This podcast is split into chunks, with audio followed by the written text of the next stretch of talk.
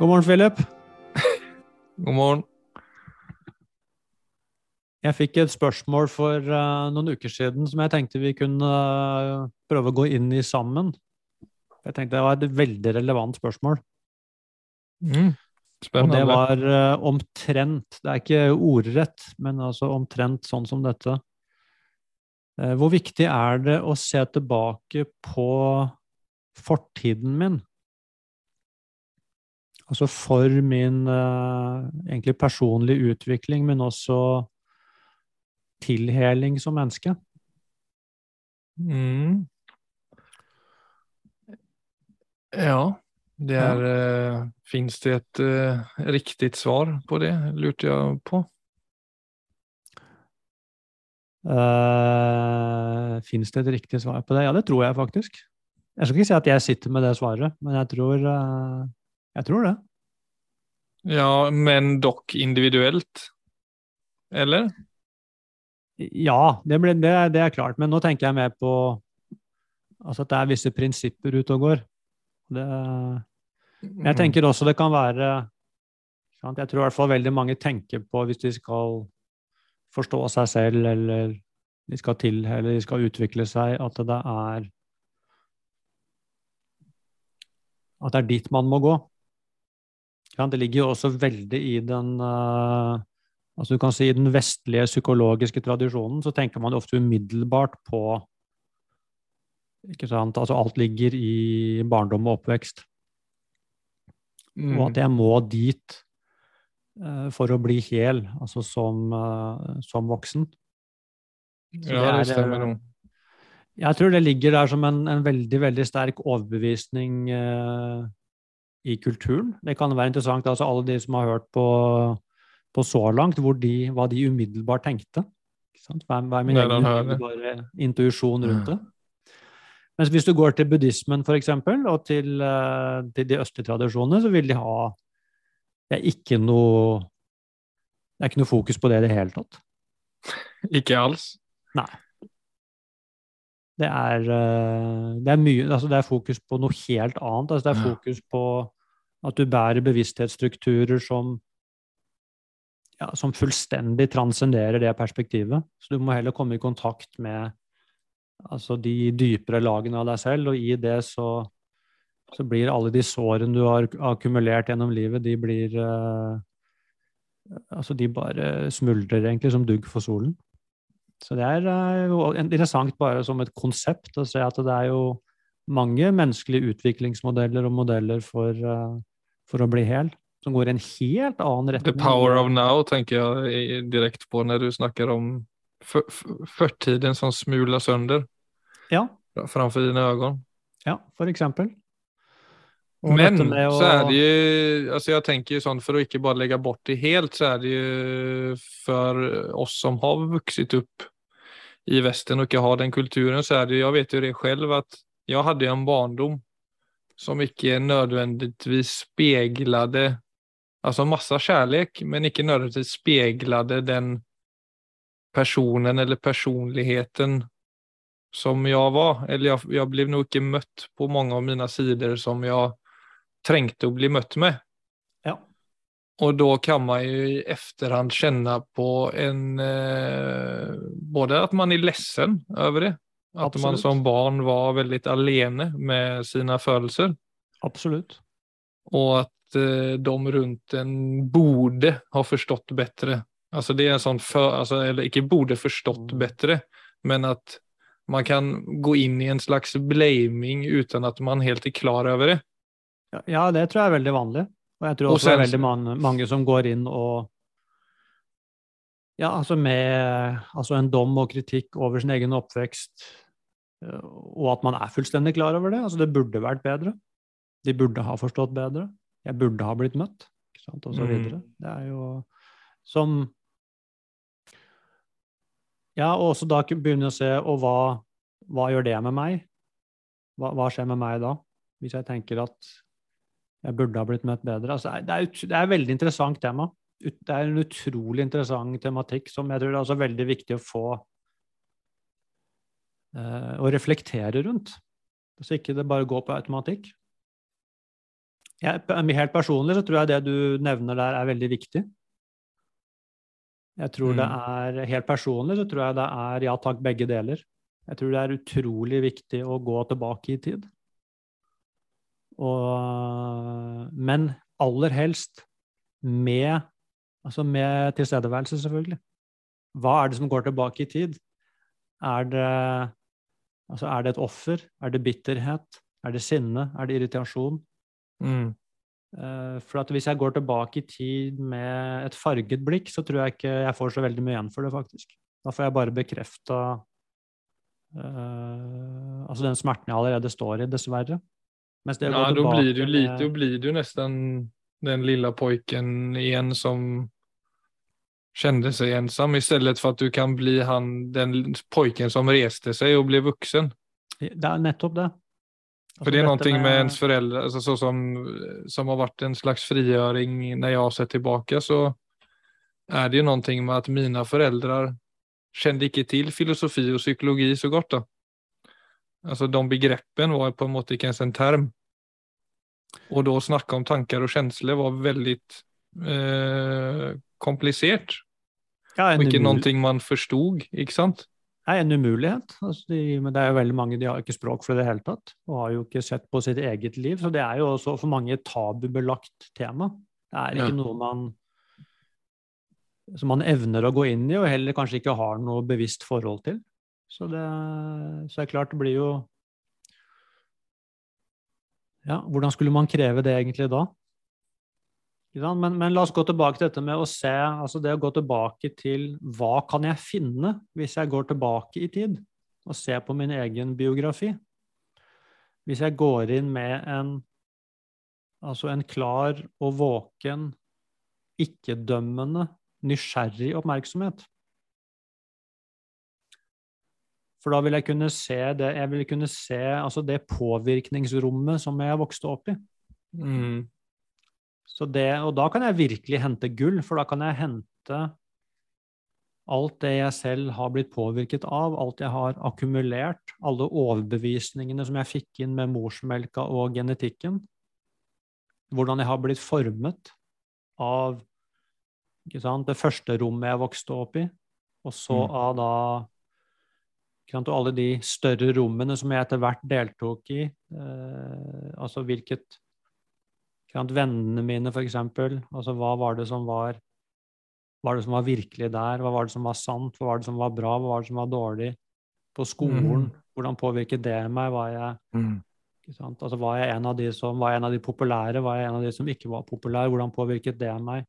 Mm. Eh, når fant jeg interessene mine, eller fant jeg dem ikke? Hva gjorde det med meg? Så jeg kan, helt, så jeg kan se Og samtidig ser jeg ingenting av det er meg. Men det er påvirkning jeg har blitt utsatt for gjennom hele livet. Og hvis jeg plutselig står i et forhold til det, så kan jeg begynne å rydde. Og det er klart er superverdifullt for, uh, altså for å forstå sårene mine, for å forstå usikkerheten min, for å forstå strategiene mine, hvordan jeg kompenserer, altså hvilke masker jeg bruker, hvilke masker jeg har brukt, altså osv. osv. Klart det er jo gull for selvinnsikt. Ja, så må man vite hva man skal gjøre med det, da. Ja da, det, det er klart. Det, dette er som alt annet. Dette er på mange måter ferdigheter. Altså sånn Jo, men det er som du sier, det der med at du har liksom, det er som paket som du liksom får på veien. og Din, din familiesjargong er en pakke. Din vennesjargong en pakke. Mm. Din skolesjargong en pakke, og så går man helt inn på mikro. Sjargongen i idrettshallen er en pakke. Ja, absolutt. Sjargongen på skolegården er en annen, der de står og røker og ser tøffe ut. Altså, ja. Det er sånn De her påvirkningspakkene mm.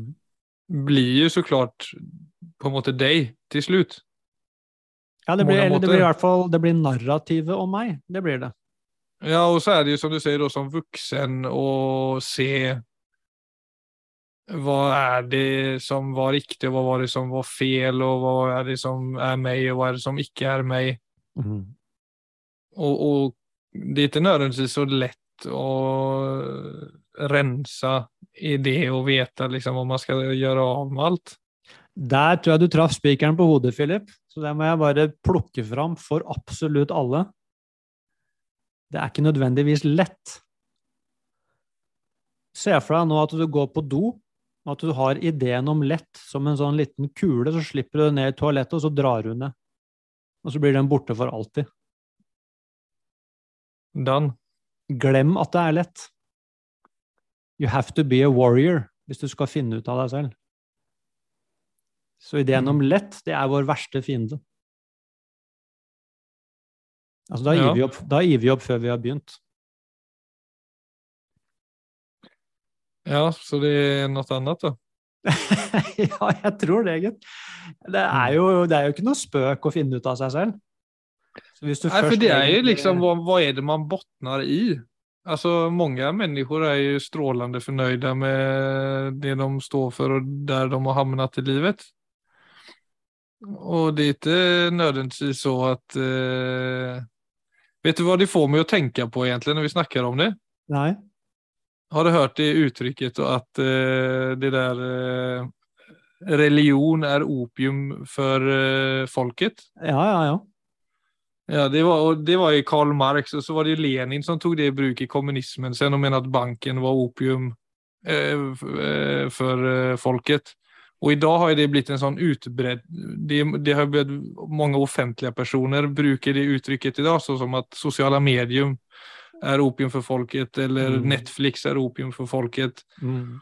Eh, algoritmer är opium för folket. Idag är det nästan bara reality-tv på tv. Alltså det, det, är som, det är också alla de här packerna. Jag följer så som när vi snackar om barndom och hur man blir formad och vad som påverkar mm. och sånt.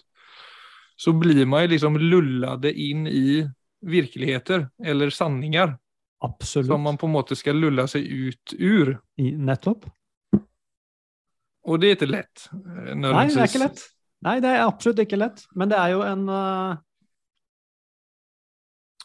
uh, Og på en måte vil jeg si heldigvis ikke. For det er jo der Jeg vil jo påstå det er der virkelig livskvalitet dukker opp. Det er når du forstår det at Altså, jeg må være Jeg må, jeg må grave fram alt, jeg, alt, som bor i meg.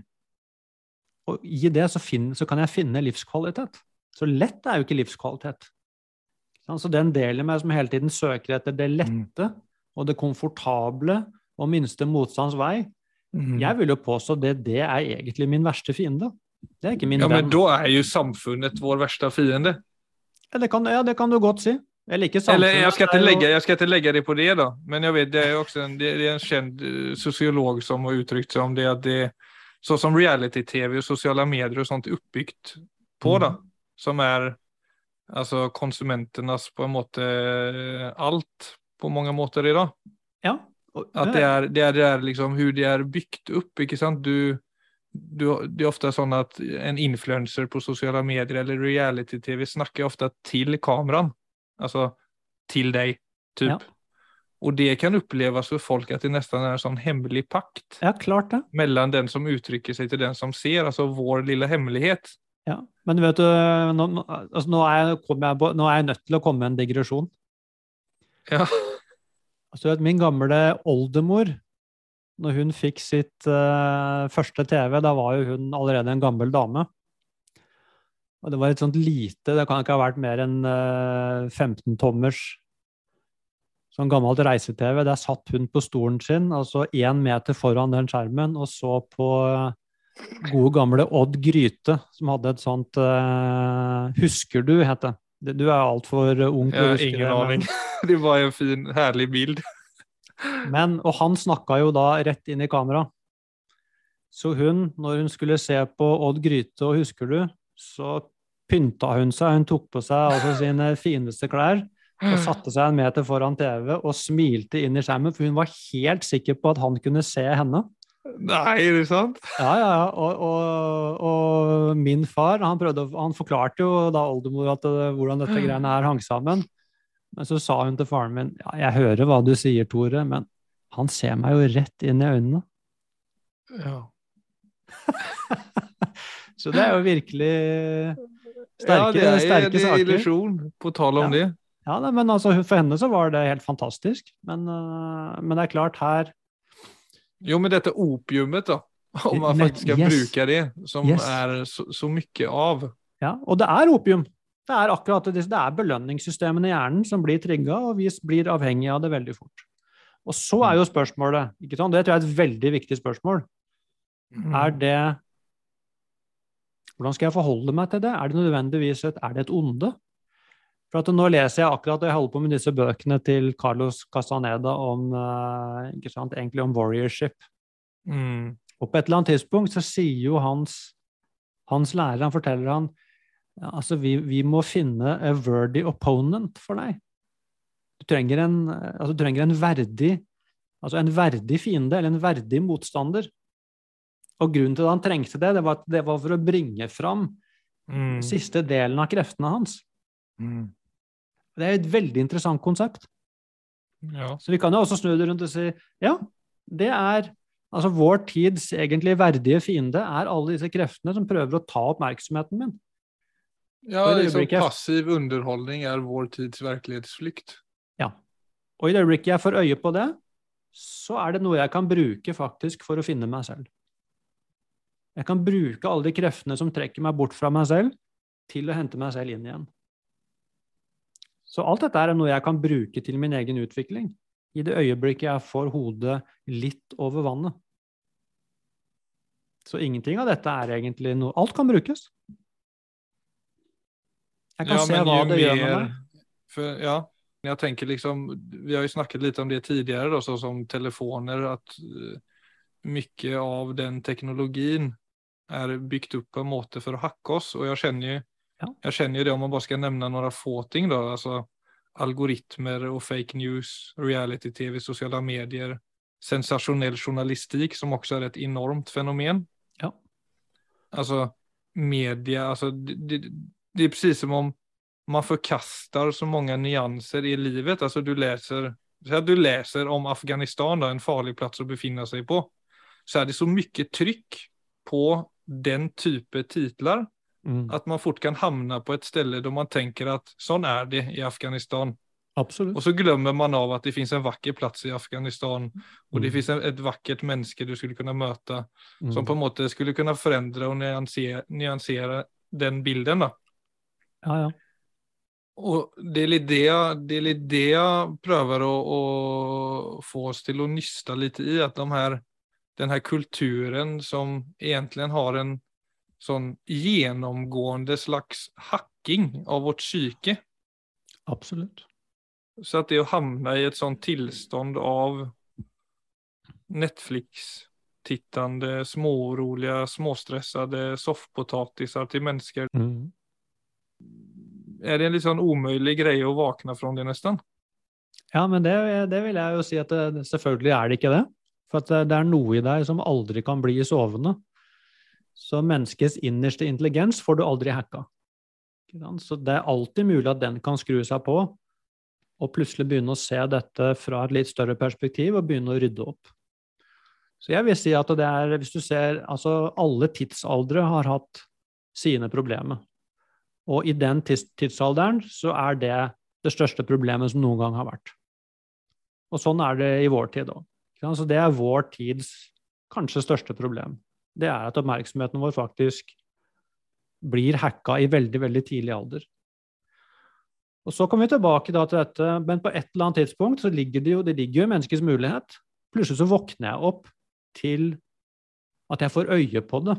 Det er det som kalles tilstedeværelse. Jeg våkner opp til å se dette utenifra. Og da kan jeg jo igjen, sånn som vi begynte med, kan jeg gå tilbake i tid, og så kan jeg se hele mønsteret. Jeg kan se hele denne påvirkningsgraden helt fra den første skjermen jeg fikk. Og ved å se det utenfra, så kan jeg se, jeg kan se Det er som alle andre avhengigheter. Plutselig ser jeg hvordan disse fangarmene har kommet inn og tatt over hele systemet mitt. Men i det at jeg ser det, mm. så ligger det en motvekt. Og det ligger en vilje.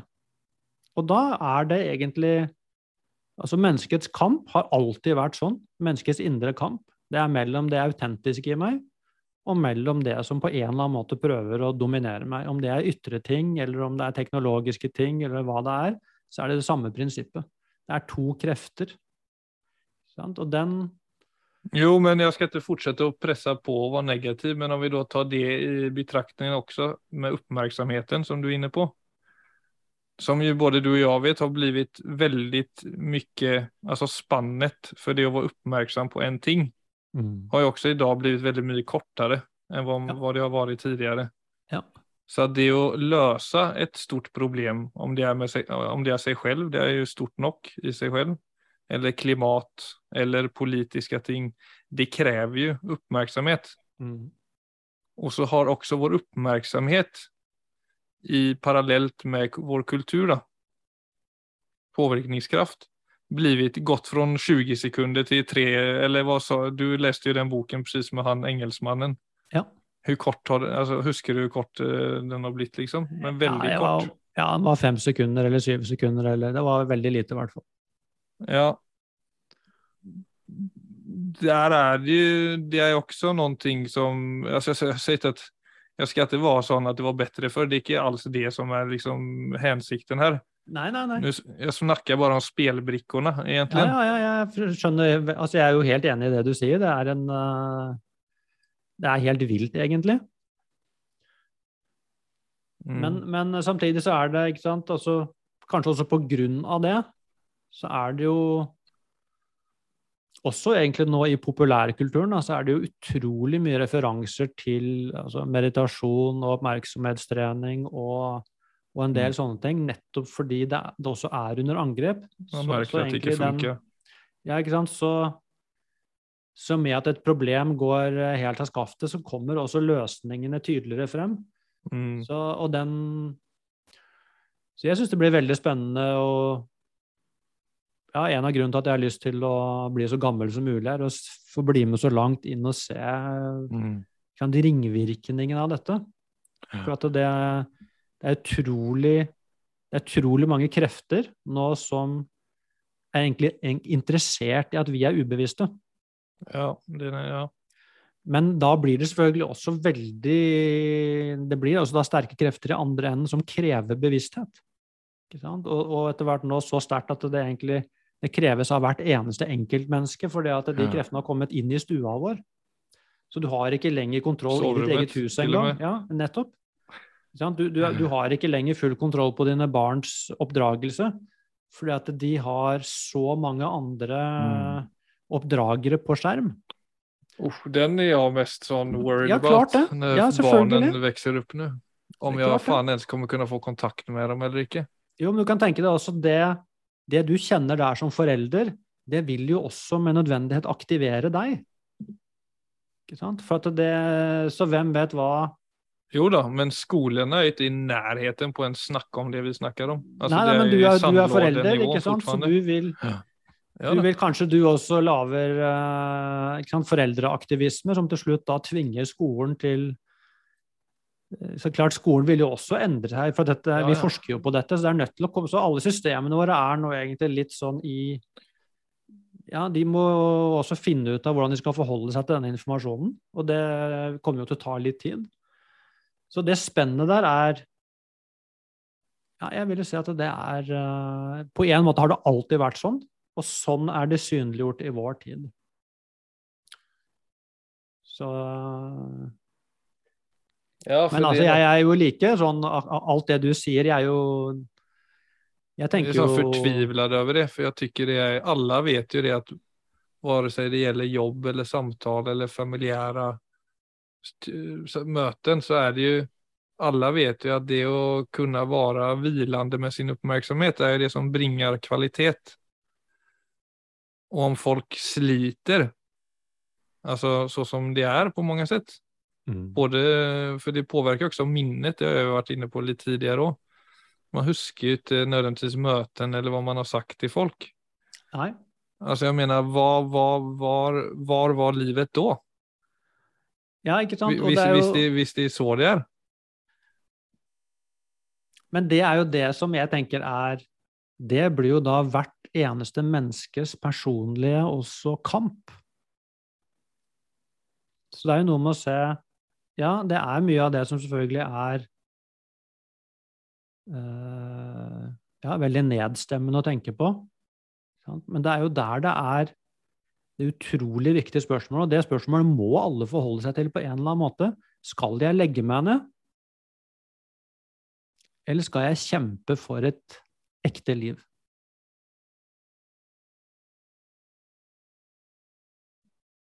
Mm. Og det kommer vi ikke utenom. Og det har mennesker aldri kommet utenom. Og ok, hvis noen velger å Og det er det jo en del som gjør. Altså, det, jeg orker ikke. Så ok. Det er noe man kan ha respekt for det valget òg.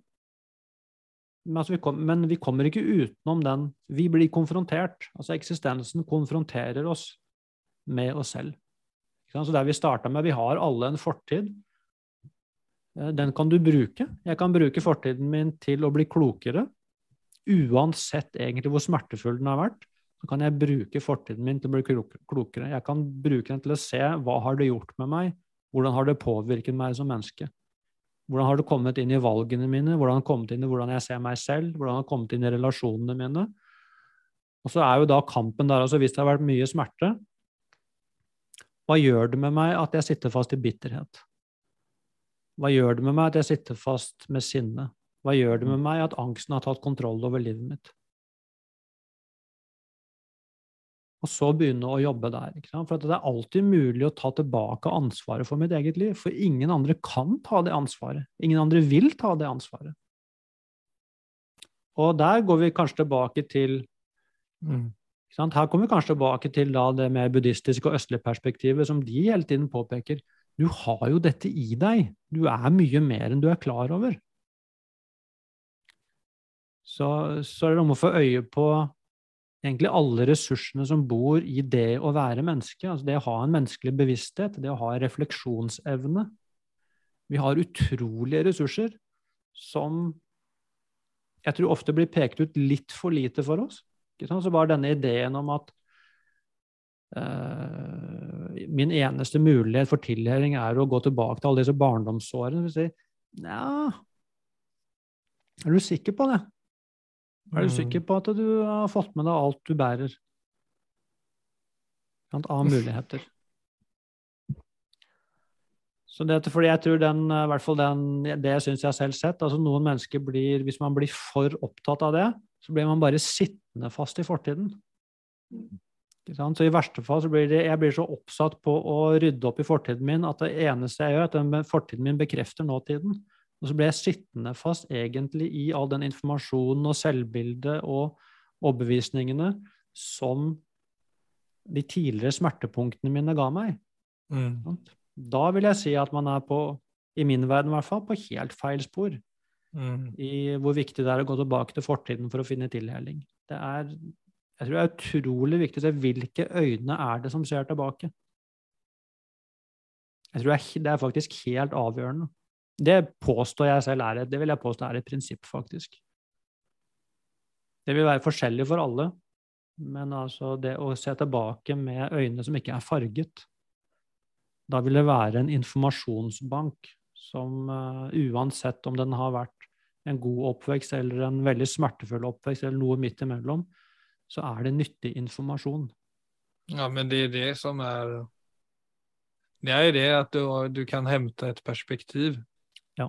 Jeg mener, jeg ser jo på, Jeg har jo ofte kunnet havne i den følelsen at jeg ser meg selv som liten ligge i sengen i mørket. Mm.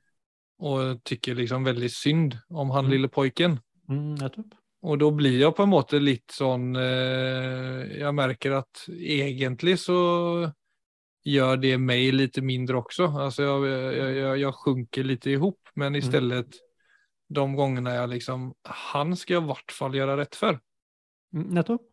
Ja, og så kan du også forstå din egen, din egen, sårbarhet og en del som også Det er mye positive kvaliteter i det. Du kan også se altså hvorfor har jeg blitt sånn som jeg er? Og så kan du også se og hvordan kan jeg Hva er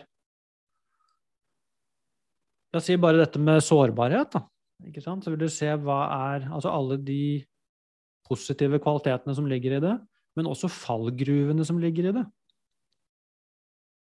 For da kan du begynne å bruke egentlig det, den tendensen i deg konstruktivt. Mm. Så fallgruven er jo kanskje dette med at man fort kan bli Ikke sant? Nedstemt. øh, føle seg svak, trekke seg tilbake. Altså den type ting til å, åh, til å cave inn.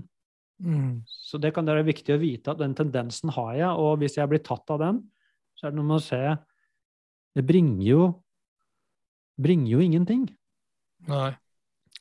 Det bringer bare egentlig inn uh, en sånn kladd som ligger der.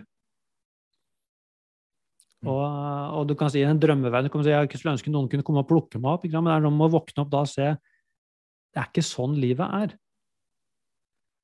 Så da gå til det andre og si jeg må holde meg selv oppe. Og så kan jeg se at ja, men dette har jeg også gjort. Jeg har, det har gjort noe med sant, Det har åpna hjertet mitt, det har gjort noe med empatien min. Jeg er klar over egentlig hva et menneskeliv inneholder. Så det er jo masse ressurser som ligger der også. Og så er det å begynne å gå i den retning. Mm. Ikke sant? Også se ja, dette var mye med dette som, uh, som var vanskelig, men hvis du ser på det på motsatt side, så vil du også se at alt det du driver med i dag, alle perspektivene dine, din interesse for menneskets indre liv, det er jo også kommet Hvor kommer det fra? Det kommer jo fra smerte, stort sett. Mm. For at når vi har det vondt, så blir vi interessert i å finne ut av hvorfor. Så veldig mye av det som egentlig gjør at livet ditt er superinteressant i dag, det har jo også sammenheng med de tidlige mm. smertepunktene dine. Så, så det er sånn å si, hvor stopper jeg analysen? Når jeg konkluderer. Ja, så er det noe overveldende det at det, som du peker ut, er at ansvaret ligger hos deg. Det gjør Man vil gjerne at noen annen skal ha svarene, eller at du kan trykke på en knapp. Ja. Og så for, kommer det en oppskrift til deg som du bare kan si ja takk til, og så forandres livet. Men så Du må ja, det, jeg, jeg, tenker bare det bare man liksom ser på alt som man, som man trenger å gjøre.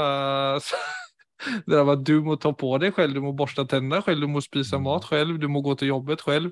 Altså, som jo heldigvis er liksom automatisert for mange.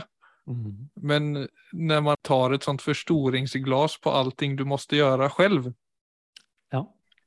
Så kan jo nesten det, bare det være overveldende.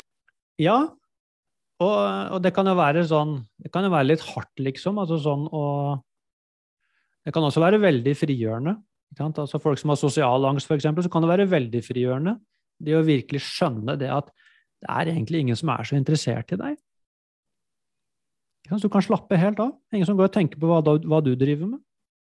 Mm. Det kan jo også være litt sånn Jøss, er ikke jeg verdens midtpunkt? Nei, du er ikke det. Det ser På én måte så er jeg helt uviktig. Ja, fra et stort perspektiv så ja, er man Men på en annen måte så er jeg ja, helt ja. uviktig. Men på en annen måte så er jeg helt viktig. Så det er noe med, så det er ikke det, men det er noe vi, vi Nei, men det du er redd feil. for, det du er redd for, er ofte helt uviktig fra et større perspektiv. Ja, virkelig. Altså, hvis jeg sitter på et flygplan og skriker ut i panikk for at jeg er mm. redd for å flyge, så spiller det egentlig absolutt ingen rolle. det jeg tenkte på nå, Philip, var mer denne, ikke sant? Altså dette med Altså min uh, altså Det går egentlig på, på selvverdi, ikke sant? Så når jeg sier altså For det, det vil det jo si i altså Alle visdomstradisjoner sier jo egentlig det samme på en måte, at det er vår altså self-importance det er vårt største problem. Vår selvsentrerthet og at vi syns vi er så viktige. Mm -hmm. Så da sier de jo sånn altså du, du, er på en måte helt betydningsløs. Men hvis man tar det inn psykologisk ikke sant, sier herre, jeg har ingen verdi, det er jo ikke det de, de påstår. Det er, noe, det er veldig ja, ja, ja. viktig å høre med de rette ørene. For de sier egentlig i det øyeblikket jeg skjønner det at altså det øyeblikket jeg slipper min egen self-importance, Ja, for det er det jeg mener da. At du, altså, du er redd for hva som skal skje hvis du tapper ansiktet. Ja.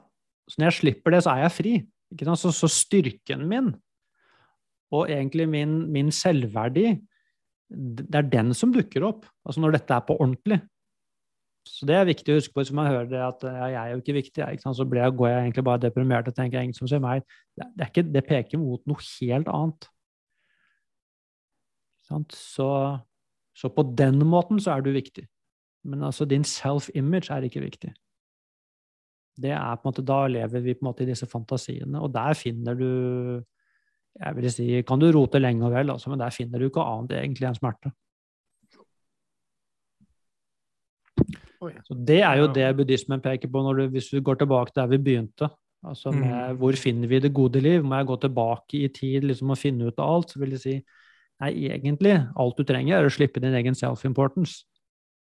Så har du tilhøring, tilhøring i et øyeblikk.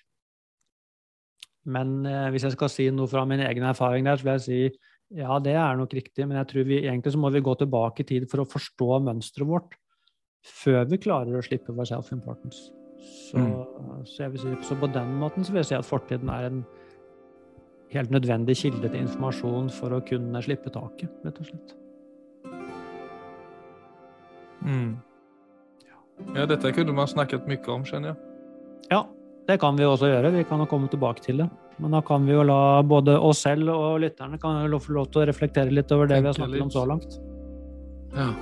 Jeg har mange tanker jeg skal få ned her, så får vi se hva det leder til. Flott. Skriv det ned. Ja. Nei, men godt. Takk for at dere lyttet. Takk for i dag.